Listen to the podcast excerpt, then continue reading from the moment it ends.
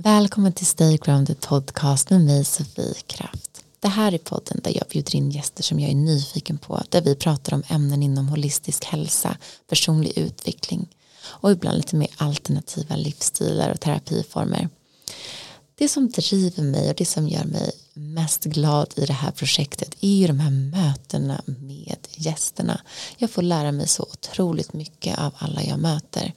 Och idag fick jag faktiskt reconnecta med en gammal vän, Alexander Caraby, som jag gick i skolan med. Han har bott utomlands i många år men har precis kommit tillbaka till Stockholm och jobbar idag som personlig coach. Han jobbar mycket med traumaarbete och hur vi kan nysta upp de här små knytena vi har inom oss. Vart sitter de här blockeringarna? Varför har vi dem och hur kan vi jobba oss igenom det? Allt det här ska vi prata om i avsnittet och vi pratar även om Vipassana som var en stor väg in till det arbete han gör idag för att just komma i kontakt med sig själv. För det är väl egentligen det det alltid handlar om att hur hittar vi in till kärnan av oss själva? Hur kan vi bli mer intima med oss själva så vi då kan möta andra? Ja, hoppas att ni lär er någonting av det här avsnittet. Det gjorde verkligen jag. Här kommer Alexander Carby i Stay Grounded. Varsågoda. Música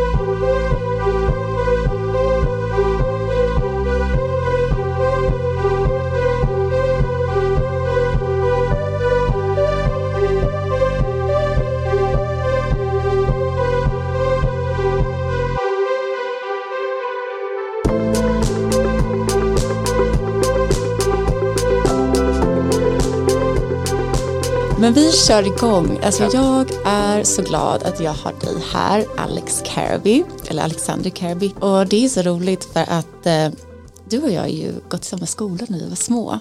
Och jag blev så otroligt glad när du skrev till mig för några veckor sedan. Och um, det första som slog mig var så här, gud Alexander vad spännande, vad, vad gör han, hur är hans liv?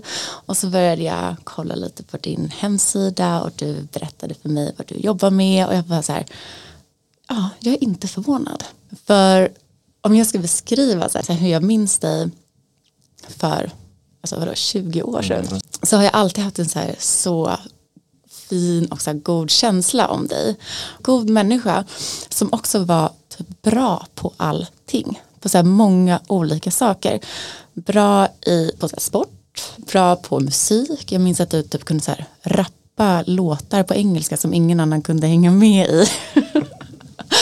Um, och sen så nu sitter du framför mig idag, så här 15-20 år senare. Och jag har precis flyttat tillbaka till Stockholm efter några år i Berlin. Och jag är så nyfiken på mm. allt med dig. så jag är så glad att du är här. Varmt välkommen. Världens längsta intro, men välkommen. Ja, stort tack. Ja, det rör mig hur mycket du, eh, ja, vilken bild du har haft mm. av mig. Och, mm. Hur minns du mig? Ja, utstrålning var det jag tänkte. Utstrålning. Uh, och det är verkligen härligt att se hur den utstrålningen har liksom funnits kvar idag och, och strålar ännu mer på något sätt. Du, du, går din väg. Och, ja men det gör ju du med. Idag så jobbar du som personlig coach och eh, inom mycket ledningsgrupper. Mm -hmm. mm. Jobbar med en hel del olika människor.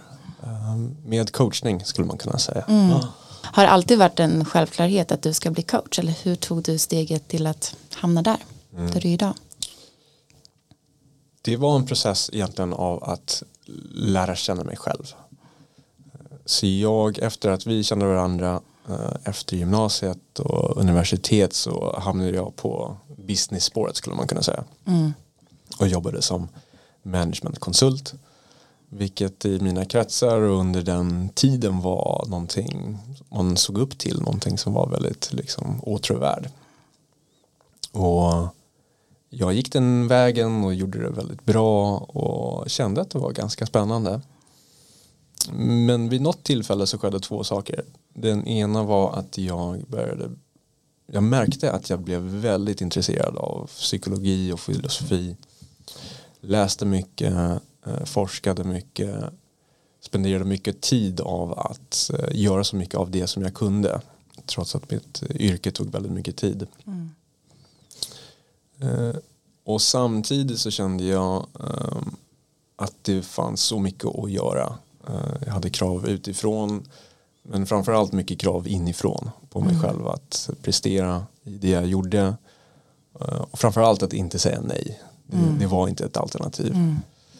Det är som väldigt eh, känns som en otroligt pressad miljö just som managementkonsult och ja, men, mycket press från alla håll men i branschen verkligen att det, det känns inte som att det är många som stannar upp. Det är bara den så här, bilden jag får. Det, det går väldigt fort där, mm. absolut. Eh, men någonting som jag har lärt mig och framförallt under senare år det är att trots att det kanske finns en, en vad vi kallar för press utifrån så, så, var den enda pressen som var viktig var den pressen jag satt på mig själv. Mm. För utan den så hade jag sagt nej, jag vill inte det här. Men, men det var inte ett alternativ.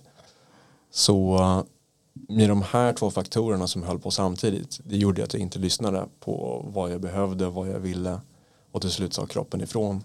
Mm. Jag är långt ifrån den enda som uh, har en liknande story som denna men för mig så kroppen sa sitt. Alltså, kraschade du i form av utbrändhet? Eller? Ja, precis. Mm. Uh, och det var nog innan uh, en, en allvarlig krasch skulle vi kunna mm. säga. Men tillräckligt tydligt för att jag kände att nej, nu måste jag säga stopp och uh, känna efter. Mm. Känna efter var är jag och vad vill jag. Och nu låter det väldigt lätt. Nu låter det som att, Men hur lång var den processen ja, av att precis. börja känna de här att någonting inte är rätt eller att du har pressat dig själv. Hade du det när du var liten också att du hade press på dig eller hade du varit med när du var liksom en vuxen man efter gymnasiet att då behöva passa in i någonting eller att eh... Nej, alltid. Alltid. Alltid, mm. absolut. Och sen i olika miljöer mm. så känns det mer eller mindre. Är du välkommen för den du är och inte för vad du gör så, så känner man inte av det lika mycket. Mm. Uh, men för mig har det alltid varit där. Mm. Absolut. Um, och i den miljön så blev det uh, exponentiellt. Uh, och, och jag säger att jag behövde känna in och känna efter vad jag ville. Men det här var inget jag hade kunnat säga då. Nej. Det är nu först efter att jag märkte att det är det jag behövde. Mm. Hur tog det sig uttryck då? Uh, kroppsligt. Mm. Då var det kraftig huvudvärk, kunde inte sova, ont i ryggen. Mm. Uh, såg suddigt, kunde inte titta på datorer eller skärmar. Var det där det kom ett intresse av att börja nysta i vad det kan vara? Eller vad hände efter den här utbrändhetssymptomen? Jag, hade, jag är väldigt tacksam. Jag hade en kollega som märkte att någonting var lite off. Och som sa att äh, ska inte vi ta det lite lugnt här, ska det inte ta lite tid och känna efter. Utan det så tror jag inte jag hade eh, gjort någonting. Mm. Kanske hade tagit längre tid i alla fall. Det hade tagit längre tid i alla fall. Mm. För igen, den här förmågan att faktiskt sätta barriärer, att kunna säga nej, att lyssna på sig själv och agera utifrån det. Det låter så enkelt. Mm. Men jag tror att det är faktiskt en konst eh, som många av oss kan ta en hel livstid eller, eller mer för att kunna synkronisera sina känslor, sina sensationer och sina ageranden. Mm. Verkligen. Ja, men vad hände sen då? Hur, hur hamnade du in på, du började läsa om psykologi och du började bli mer intresserad säger du. Men bara för att man blir intresserad så är det ett ganska stort steg att faktiskt ta beslutet att bryta upp från det liv man redan känner och eh, är väldigt duktig på och har det liksom sociala nätet, normer som, som du säkert satt på dig själv och din omgivning. Hur tog du steget att bryta och ändra lite riktning? Så jag tog ett halvår och ja, gjorde olika saker. Vi passade meditation, hade jag varit lite nyfiken på, mm. testade det. Jag är så nyfiken på det också, berätta om det. Jag vill inte, bara, jag vill inte snabbt spola förbi det. Ja, Hur var den processen? Eh, det är en upplevelse som heter duga. För de som inte vet vad Vipassana är, jag har inte pratat om det här i podden, vill du berätta vad det är? Det är en form av meditation som grundades av en man från Indien som heter Gwenke eh, och upplägget egentligen är att det finns olika gårdar och retreat center skulle man kunna säga runt om i världen där man får på donationsbasis delta i en meditationsretreat. De är tio dagar långa helt i tystnad. Man får inte prata man får inte titta andra människor i ögonen Eh, Man Du får inte äter, läsa ens får va? inte läsa, ta anteckningar. Du äter två mål om dagen. Om du är första året så får du äta ett äpple eller frukt på kvällen. Det var väl lite treat. Mm, mm. Och det är egentligen upplägget. Så man sitter för det mesta från klockan fyra tror jag man, de väcker en. Ja. Det var ett antal år sedan så detaljerna kan vara Mm. lite off här. Men eh, man, de väcker en fyra, man börjar 4.30 med meditation till 6.30. Sen är det frukost, sen är det meditation, sen är det någon break, sen är det meditation. Så du sitter där. Och meditationsformen är egentligen, den är väldigt kroppsligt baserad. Den handlar om att egentligen eh, skapa ett utrymme inom sig själv för att känna efter vad, vad känner jag i kroppen, vad är det för sensationer som jag upplever. Är det en form av kroppsskanning?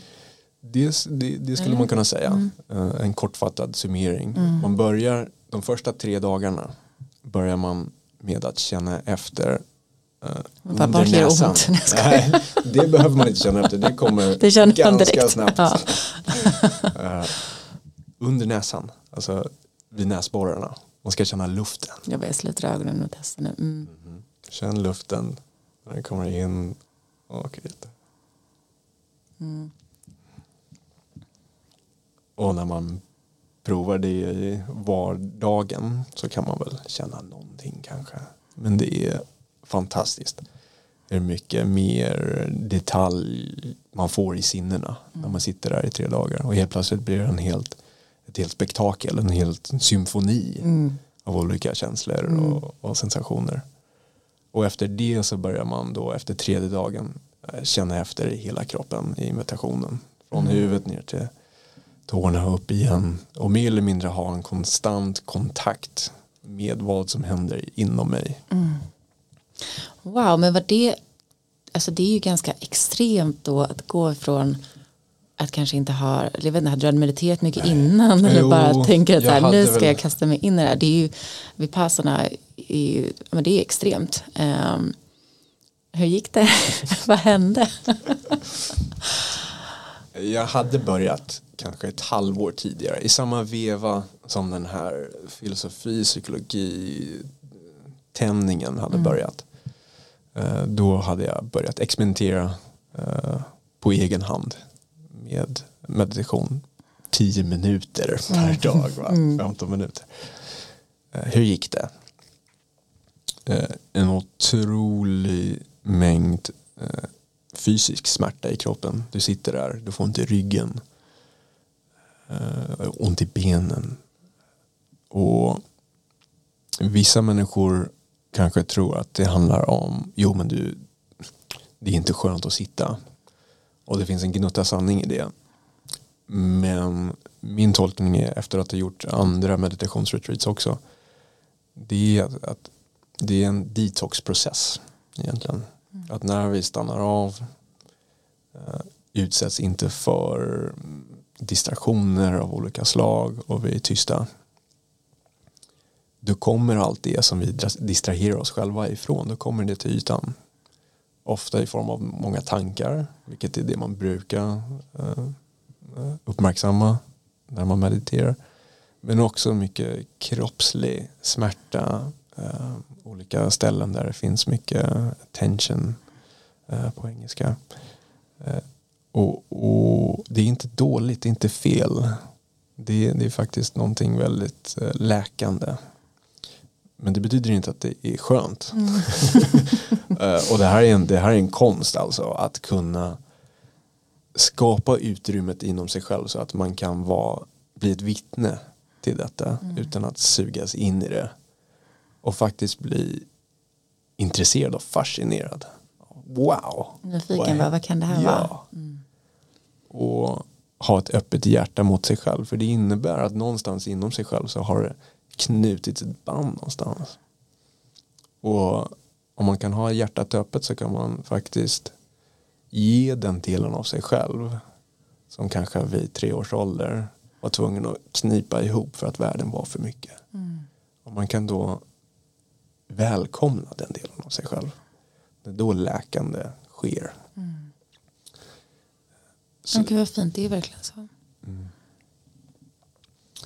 så det var några av de aspekterna som hände mig. Jag minns väldigt tydligt. Det var nog åttonde, nionde dagen på kvällen där. Och jag hade verkligen kämpat. Och jag har inte blivit av med min kämpardel inom mig. Jag ska vara väldigt tydlig här. Men vid det laget. Så den, jag, kunde, jag kunde inte se Alltså den. man måste hata det där stället. Alltså bara där. där. Jag har sett de här väggarna, jag har sett den här lilla gången. Ja. Ja, varje Mm. grässtrå kan man nästan. Eh, men den här prestationsdelen, den var så tydlig och, och stark i, i mig själv att jag kunde inte se den. Så jag, jag försökte meditera bra, Mm. göra så bra som man kan. Och har man det som mätstock så kommer du så kommer du det kommer bli i, i bästa fall bli lite besviken. I värsta fall kommer du göra allting mycket värre. Och det känns bara tråkigt. Och det, blir, det blir ännu tajtare. Eh, Så vid åttonde, nionde kvällen då var det en timmes inspelad video lecture då med Gwenke som inspelades för kanske 20-30 år sedan, jag vet inte. Och han sa att den kvällen att måttstocket för, jag säger inom citationstecken då, bra meditation är det är två vingarna av fågeln sa han. Eh, Den ena är awareness, uppmärksamhet. Och den andra är equanimity. Equanimity, att man, är, att man inte dömer. Det är de två.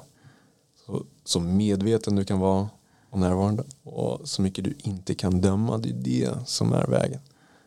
Och det, det, har man, det har man hört många gånger i olika former men det var det jag behövde höra just då. Och resten av de två dagarna som återstod, ja, det var bara tårar som flödade. Och inte av någon typ av ledsamhet, det var inte hulkningar men bara en release. Release. En release som bara flödade och inte ville sluta. Eh, Så det var väldigt vackert avslut på det. Man brukar säga att så här, ögonen är som öppningen för, för hjärtat eh, och fönstren. Och jag tror verkligen det att vi behöver få de här releaserna och släppa ut i form av tårar. Eh, det är, jag älskar att gråta, jag tycker det är så skönt. Jag är så jag är väldigt lätt för det också, att kunna gå in i det och um, släppa ut.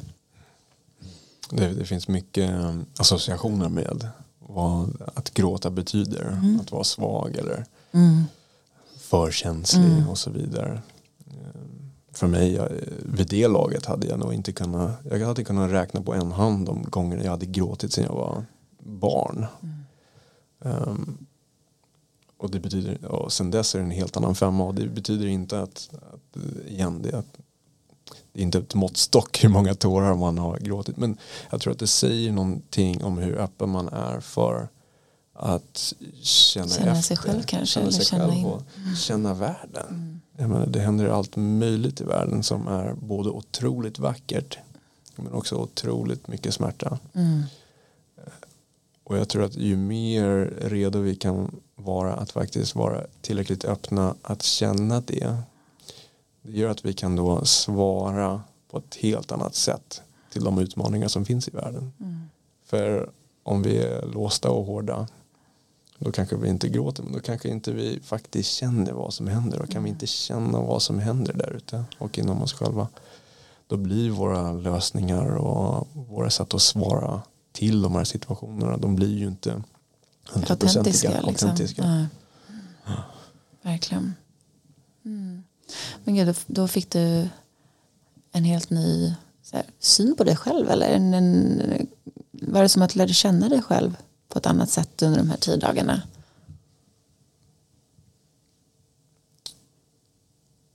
I efterhand ja. Just då så kände jag ja, det var det var ganska jobbigt. det, jag hade, det jag hade det var en helt annan kontakt med kroppen. Jag kommer ihåg jag gick ut på en springtur några dagar efter. För springa får man inte göra heller. va? Du får, inte, du får gå. Mm. Ehm, men och så bara wow, jag kan känna mitt lår. Jag kan känna de olika delar i mitt lår och mina liksom, ben in i låren. Och det var en helt annan kontakt. Och med takt med att liksom vardagen kommer igång och så vidare så trappades det av. Mm. Men, men det öppnade ögonen för möjligheten till vad det innebär att vara i kontakt med sin, med sin kropp. Mm. Faktiskt. Mm. Ja, ta mig vidare, vad händer sen? Så sen försöker jag faktiskt gå tillbaka till jobbet. Jag tror att jag har löst allting. Va? Ja. Du bara, ett retreat och jag är en ja. hel människa. Ja. Och jag ändrade på lite saker på jobbet. Jag bytte avdelning med mera. Eh, men trots att jag började i väldigt långsam takt eh, så kom alla symptom tillbaka mm. förr eller senare. Och då ja, någon gång då så tog jag upp en gammal eh, journal, dagbok mm. som jag höll på att skriva då. Gjorde du det mycket när du var yngre? Nej, det här var någonting jag började eh, i takt med, med mitt intresse i självutveckling numera. Som inte var helt sund kanske. Jag läste alla artiklar, mm. inte alla, men det kändes som alla som hade att göra med självutveckling. Mm. Och då det är lite manisk i det också. Liksom. Det, det kan bli en, liksom en, uh, ett beroende uh. i sig. Alltså. Mm. Att göra allt som man ska. Dagbok, du ska meditera, du ska ta en kall dusch, du ska mm. träna, du ska allting.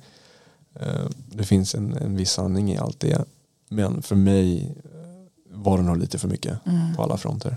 Men oavsett, för ett år, ett år tidigare ungefär så hade jag skrivit att jag ville jobba med människor mer intimt. Jag ville jobba en mot en, jag ville jobba med coachning och mer, mer om det psykologiska, mer med själen. Mm. Så det hade jag skrivit ett år tidigare. Efter jag kommer tillbaka till jobbet, jag får symptomen igen så läser jag det här inlägget i min dagbok. Där det står väldigt tydligt, jag vill jobba med mm. coachning. Mm. och när jag läste det samtidigt som jag kände de här kroppsliga symptomen igen och jag mådde inte bra. Mm. Och bara så här, jag har svaret här. Mm. Jag har vetat svaret hela tiden. Mm. Vad gör jag? Nu får jag ta tag i mig själv. Nu får jag lyssna mm. på mig själv. Och i den vevan så mer eller mindre sa jag upp mig. Typ en vecka senare eller något sånt. Uh, sa upp mig, fick lämna ganska omgående Eh, med stor support, så på mm. goda termer.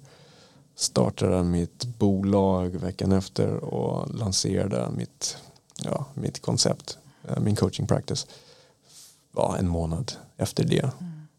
Shit, det är som att du verkligen kom i flow. Alltså som att det känns som att den eh, processen gick väldigt fort. Att ja. när du väl tog steget så var det bara som att allt föll på plats. Eller så här, nu vet vad jag ska göra, det här, ska, det här är min metod, det här vill jag göra. Ja, ja, ja och började med ehm. coaching, certifiering och mm. utbildning. Uh, ja, det kändes verkligen som det. Energin det var, kom lättare. Det kom så lätt mm. och man, man flög fram på något sätt. Mm.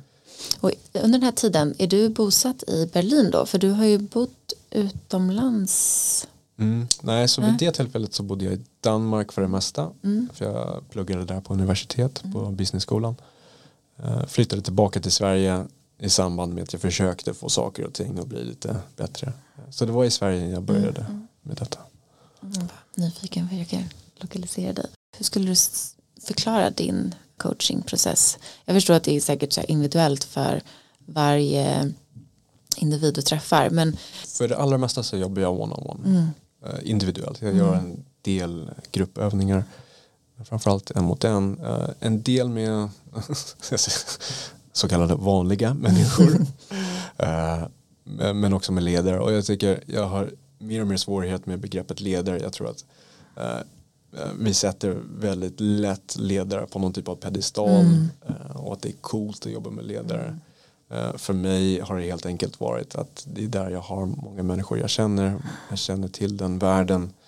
Uh, men också att kan man hjälpa människor som har ett stort inflytande så är förhoppningen att saker och ting kan ja, på en bredare front. Sant.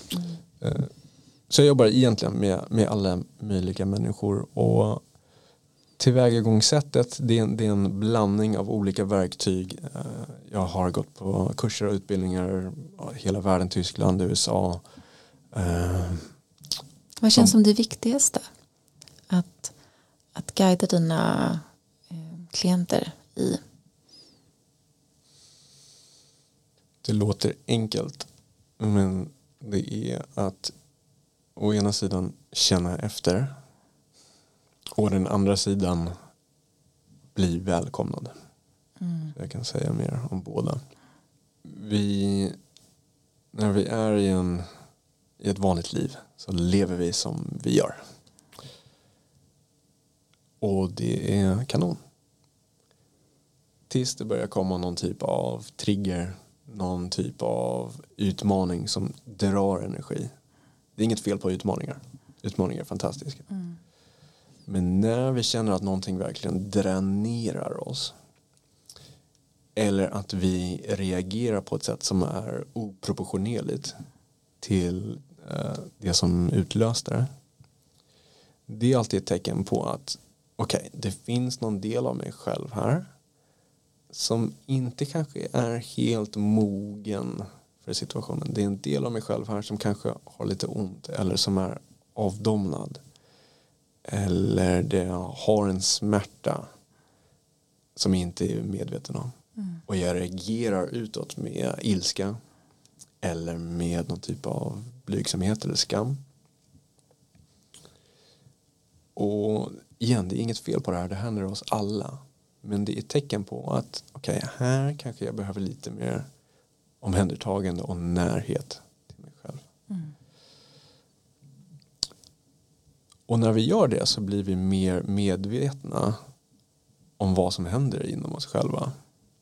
Så här, wow, jag reagerade väldigt starkt när du sa det där till mig. Lite för stark kanske för situationen. Det innebär att wow, jag kanske har någon del i mig som inte känner sig helt trygg i nya sammanhang till exempel. Mm. Och som har en underliggande rädsla där. Istället för att döma det och säga att det är fel så kan jag bli ännu mer nyfiken och fascinerad som vi sa tidigare. Och säga, wow, det är någon del av mig här som jag vill lära känna mera. Så det är det första delen. Den, att välkomna, det är otroligt viktigt. Mm. För jag, är, jag jobbar väldigt mycket med vad man kallar för trauma. Mm. Det finns olika former av trauma. Chocktrauma, det är när en bomb exploderar eller något väldigt aggressivt, våldsamt. Mm. Eh, det händer en gång. Men man pratar mer och mer om vad som kallas för developmental trauma. Och det är det som händer i barnsben när man är väldigt ung. Man är inte färdigvuxen och utvecklad i sitt nervsystem. Och när det händer små mikro, eh, vad ska vi kalla dem för? Inte mikroaggressioner, alltså situationer väldigt små kan det se ut som från utsidan men där man inte får det man behöver i stunden. Mm. Om man är övergiven, ens behov blir inte bemötta och så vidare. Om det händer gång på gång på gång i år eller decennier mm. så händer samma respons i kroppen som i chocktrauma och det är att man låser sig, man blir avdomnad. Det finns en hel del symptom. Och vad som är då väldigt intressant är att mer eller mindre alla former av det har någon typ av relationell komponent. Mm. Det, det sker inte utanför förhållande. Det sker inom förhållande. Och till och med om man är övergiven och ensam. Det är en typ av förhållande som inte fanns. Mm. Saknad av förhållanden. Saknad, liksom. Exakt. Mm. Och därför är ett välkomnande så viktigt. Och därför kan inte all läkande ske i meditation när du sitter där själv för att kunna lösa och läka någonting som var relationellt eller relationell i sitt ursprung då behövs det ett hälsosamt förhållande och relation för att kunna läka det. Mm. Så om det är i terapi och coaching. Menar du då att du är den andra parten i relationen att kunna gå igenom de här situationerna? Ah. Precis. Wow. Det vill säga att man mm man är ett annat exempel mm. på hur förhållanden kan gå till. Att när du blir rädd istället för att du hör du behöver inte vara rädd, det finns inget att vara rädd för. Vad, vad jag säger, det finns inget att vara rädd för. så kan man istället vara den första till den människan som säger Åh, jag ser att du är rädd. Jag vill, jag vill möta dig mera här. Mm. Jag vill känna din rädsla. Kom så tittar vi på det tillsammans. Så ser, om, ser vi vad det handlar om. Att man välkomnar det som finns där inne istället för att trycka bort det. Um, och, och det kan man såklart göra i sådana här sammanhang som jag pratar om men ledare kan göra det i förhållanden med sin intima partner med barn Eh, det, det, finns inget slut där vi kan alla komma mer med det här välkomnande approachen till våra förhållanden. Mm, jag tror det är så viktigt. Jag, eh, jag gör mycket retreats och då har vi en stor del av det mycket delningar. Att vi sitter två, två delar. Ehm, och då är det oftast att man bara är den som lyssnar och faktiskt bara håller spacet för någon och låter, låter den andra få tala eh, utan, utan att komma med liksom ja eller nej eller nickningar eller skratt på något sätt utan att man bara håller spacet. Och det som sker mellan dem, det, jag tycker att det känns lite som att det är samma, det blir som att man blir hållen av en annan och möt, mm. man möter varandra utan att ens ord behöver just i de här övningarna men det är så läkande och man kan se hur läkande det är för de här personerna att bara sitta och faktiskt få bara bli hållen eh, och bara bli mött så tryggt också så, här, så välkomnande verkligen. Ehm, så jag tror verkligen också så mycket på dem den processen att vi behöver det mer också. Jag brukar alltid säga det efteråt att så här, ta med de här övningen hem till din partner när ni faktiskt pratar med varandra sätt av lite tid och bara okej okay, nu har jag en kvart och bara bla bla bla bla, bla säg allt och ge det tillbaka. Utan att säga jaha berätta mer. Alltså utan att ja, men utan att komma med de här det som vi nästan är födda med och hjälpa varandra ja jag håller med. Mm, alltså alla de här små orden och eh, konfirmationen eller vad man ska säga. Utan det så finns det skapas det så himla mycket utrymme och det är där är så jäkla häftigt att vara i det spacet det är väldigt kraftfullt och det är mm. härligt att höra att du, du kör de övningarna mm. som du säger det, på ytan ser det ut som ingenting men det, det, det är ett så det finns så mycket potential det finns så mycket energi ja, det i det otroligt. öppna spacet mm. och det kräver en hel del mod kanske från början och kanske någon som dig som, som ger en, ett inbjudan egentligen mm. till att prova det för man, man tänker annars att det, det kanske är helt ovettigt att bara sitta där och titta på en annan människa eh, men det är faktiskt det det är det vad det innebär att vara hållen och att hålla någon. Mm. Det, det, är inget aktivt. Men det är inte heller någonting passivt. Mm. Nej men exakt, det är så många så jag, min kille frågar vad menar du med att hålla space? Och det, var så här, det är så svårt att förklara det i ord för att det är ju bara att vara totalt närvarande med någon och alltså på riktigt hålla en annan med ens egen närvaro, att bara vara där totalt och fullt um, och har man inte gjort det alltså, testa det är, det är magiskt och ja det finns aktiv, det finns passiv men det tredje alternativet då är kanske intention mm. intention går genom de två och så på ett sätt så är det, det är ingenting men å andra sidan det skapar en, en hel värld nästan en intention det ger uppmärksamhet och, och närvaro. Och det är en gåva av allra största grad. Mm. Att ge närvaro och vara närvarande med andra människor, med sig själv, med naturen, med vår värld. Det är inte ingenting. Jag har sagt det här flera gånger men eh, jag tror på det så, så starkt och jag, att det är så viktigt att det är inget fel på de sätten som vi distraherar oss från. Men det gör också att vi att vi missar de möjligheterna till vad som finns här mm. i det som vi kallar för livet. Mm. Att det finns så mycket som vi är blinda för och inte kan känna för att vi inte är där. Mm. Vi är inte där. Känner du att du har blivit bättre på att vara där? I närvaro med dig själv? Eh, bättre på att notera när jag inte är där. Ja. Ja, absolut. En, en viktig lärare för mig pratar mycket om att när vi är ja, namn på engelska avdomnade att det, det är faktiskt en aktiv process som händer inom oss själva. Om du tänker dig ett kylskåp så det är inte så att kylskåpet kyler din mat gratis. Utan du behöver en del energi för att faktiskt hålla dig kallt. Och det är samma sak som händer inom oss.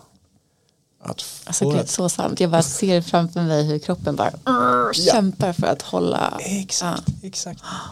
Och man gör det för att undvika de svåra känslorna som man var okapabel till att hantera och, och liksom flyta på själv.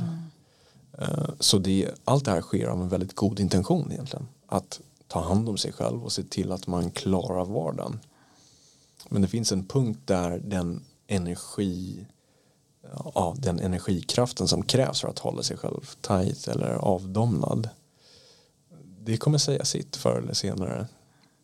Så när man blir med, det, det, något, det låter nästan paradoxalt. När man, när man blir medveten om var man är avdomnad. Mm. Det är ett otroligt stort steg faktiskt. Otroligt stort. Verkligen. Och hur tror du man eh, hur tror du man kan hitta det då?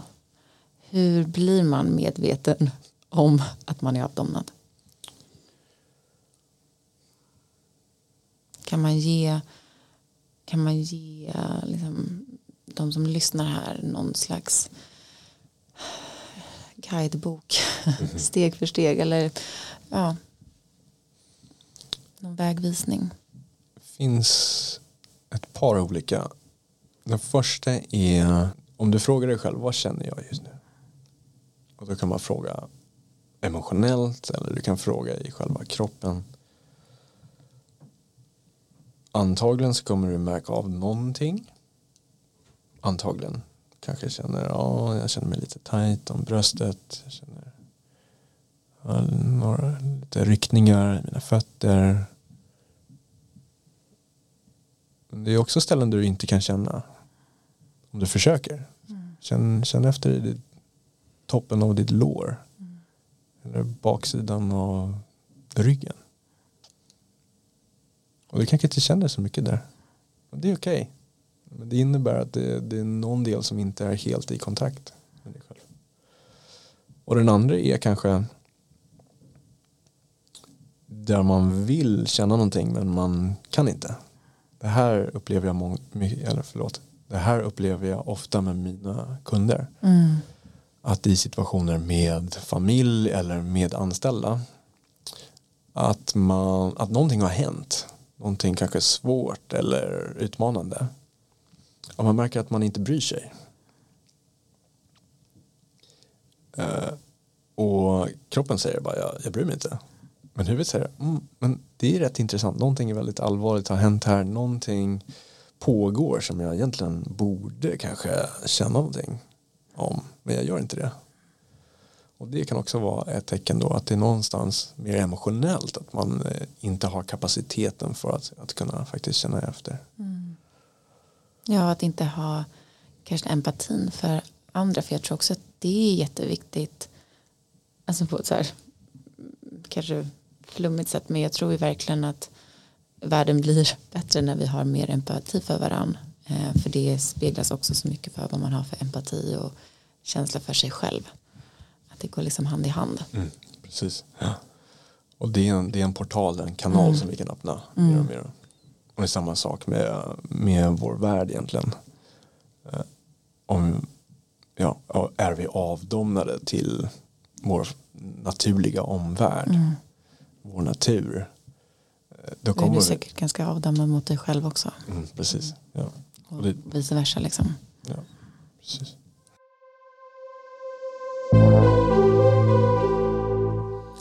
pausa lite här i avsnittet med Alexander för jag vill ju berätta att det här avsnittet sponsras av Grounded Factory. Hemsidan där du kan hitta din yogamatta för dina stunder. Vad är det? Det kan vara din meditationsstund på morgonen, det kan vara din breathwork eller kanske sträcker du ut kroppen i ett härligt flow. Eller varför inte bara landa i en shavasana där du får återhämta dig.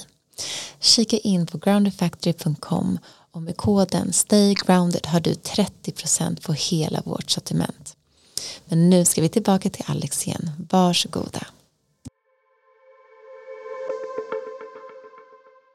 Ja, I coachingprocessen och att möta människor har du, känner du kvar pressen av att det ska vara bäst på jobbet för att nu handlar det ju, det är ju du guidar ju verkligen folk och du har ju hand om folks känslor, liv och det är ju egentligen viktigare än kanske med pengar och på bolag och sånt som du jobbade med tidigare.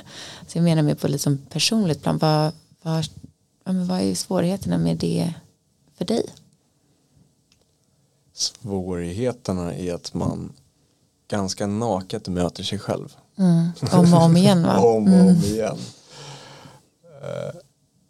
Så låt, låt oss säga att eh, jag har en, en del i mig som, ah, jag vet inte, en del i mig som eh, tycker det är jobbigt när någon blir ledsen. Det kommer att bli väldigt jobbigt när någon blir ledsen. Då kommer jag bli eh, min syn kommer förändras, jag kommer bli tajt, jag kommer inte ställa rätt fråga och så vidare. Så det blir en konstant uppmaning till att faktiskt ja, känna, alltså möta sig själv och de delarna i sig själv som inte faktiskt kan, kan reagera på, en, en ja, på ett sätt som är effektivt egentligen. Mm. Uh, prestationsdelen den finns väl kvar men jag kanske har lite bättre kontakt med den och se, jag kan se lite bättre när den kickar igång. Mm. Uh, svårigheten är dock inte så mycket, jag tror att många som inte har jobbat med sådana här grejer tror kanske att det viktiga är frågor man ställer eller ramverk som man har. Mm olika verktyg. Men i min erfarenhet så är det viktiga och därav det svåra eh, hur man är. Din närvaro med... Närvaro. Ja. Kan jag vara öppen? Kan jag mm. vara öppen i mitt hjärta och i min kropp? Kan jag vara nyfiken? Kan jag ha allt det här tillgängligt trots att jag inte håller med om den här människan? Eh, kan jag vara grundad trots att den här personen snackar om stora investeringsbeslut som liksom har att göra med miljoner eller mer kronor. Liksom, mm. Kan, kan jag möta den här människan och kan jag vara där trots allt det här? Mm. Och det är rätt intressant, ju mer man kan vara det så försvinner alltså konceptet håller jag med den här människan, det försvinner. Mm. För om jag är tillräckligt nyfiken på dig och vad som ligger under allt det här. Då bryr jag mig inte om. Det kan det vara vart som helst. Ja, liksom. mm. Då bryr jag mig inte om någonting annat. Jag vill bara möta dig där du är. Jag vill möta dig där du har ont och jag vill möta dig där du vill utvecklas. Mm. jag hoppas att fler vågar ta den hjälpen. Alltså som det är att gå till coach eller till en, alltså, göra olika former av terapi.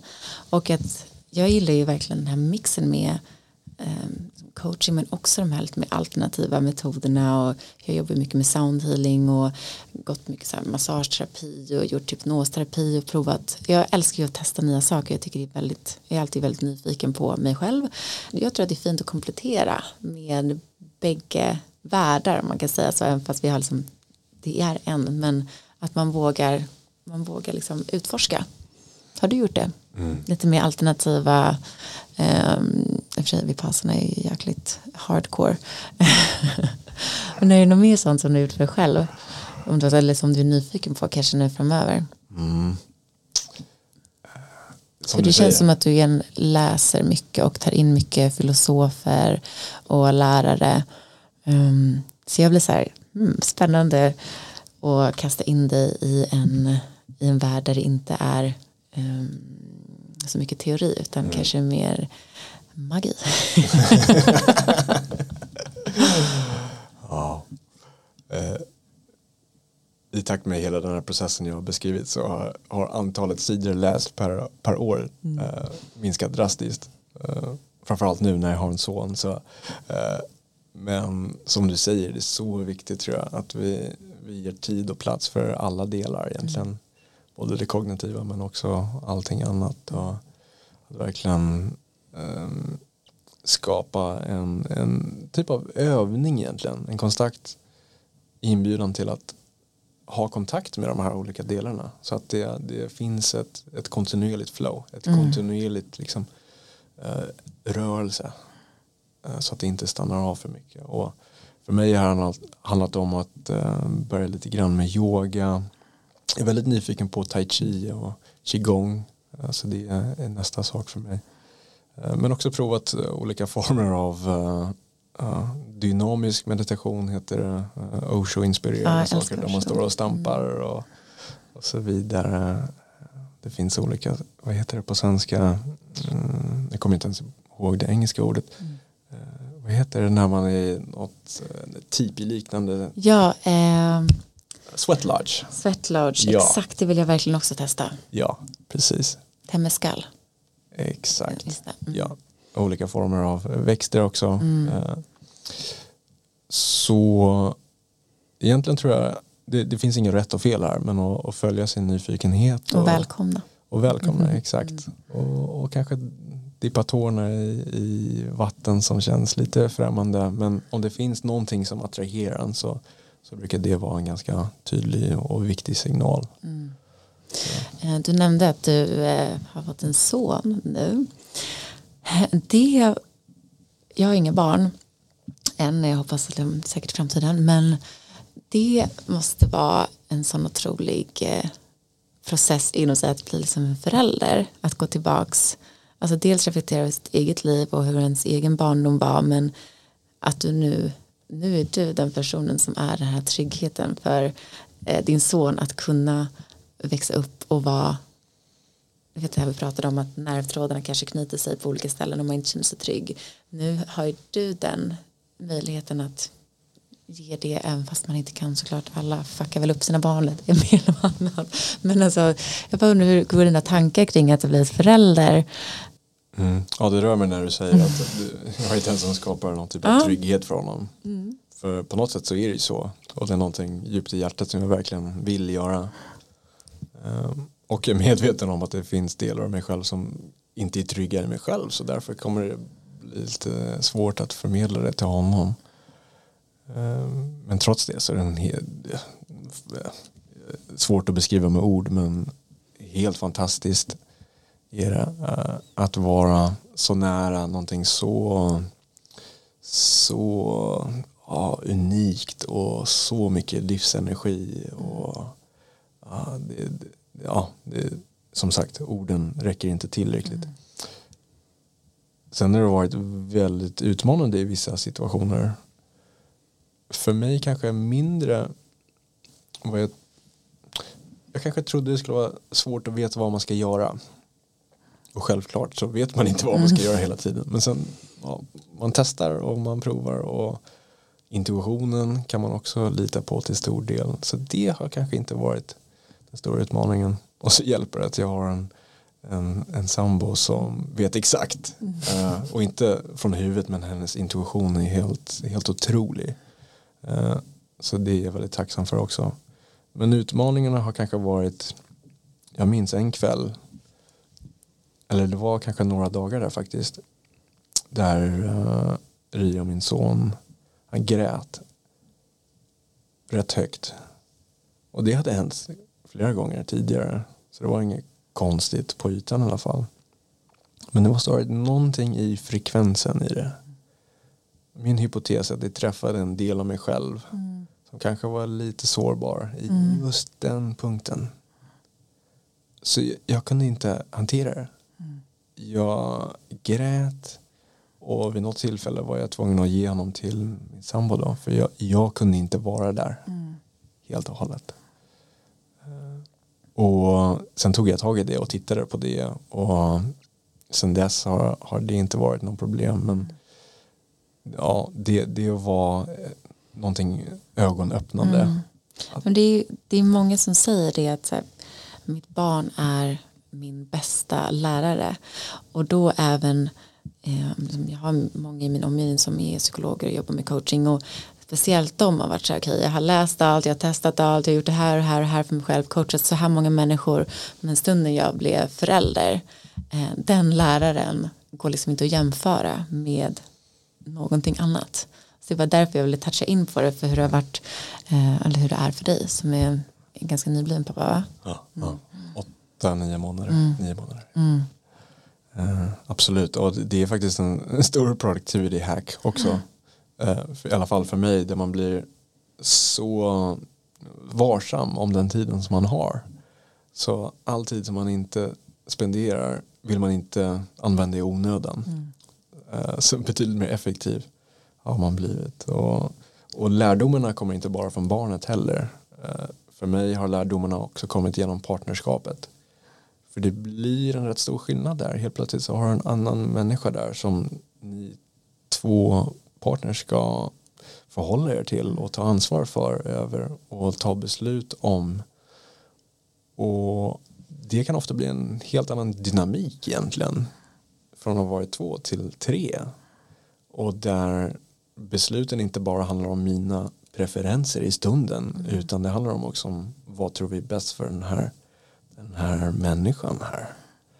Eh, så det var kanske mer oväntat att hur mycket som skulle röra sig och hur många ja, utvecklingsmöjligheter det fanns då i, i partnerskapet egentligen.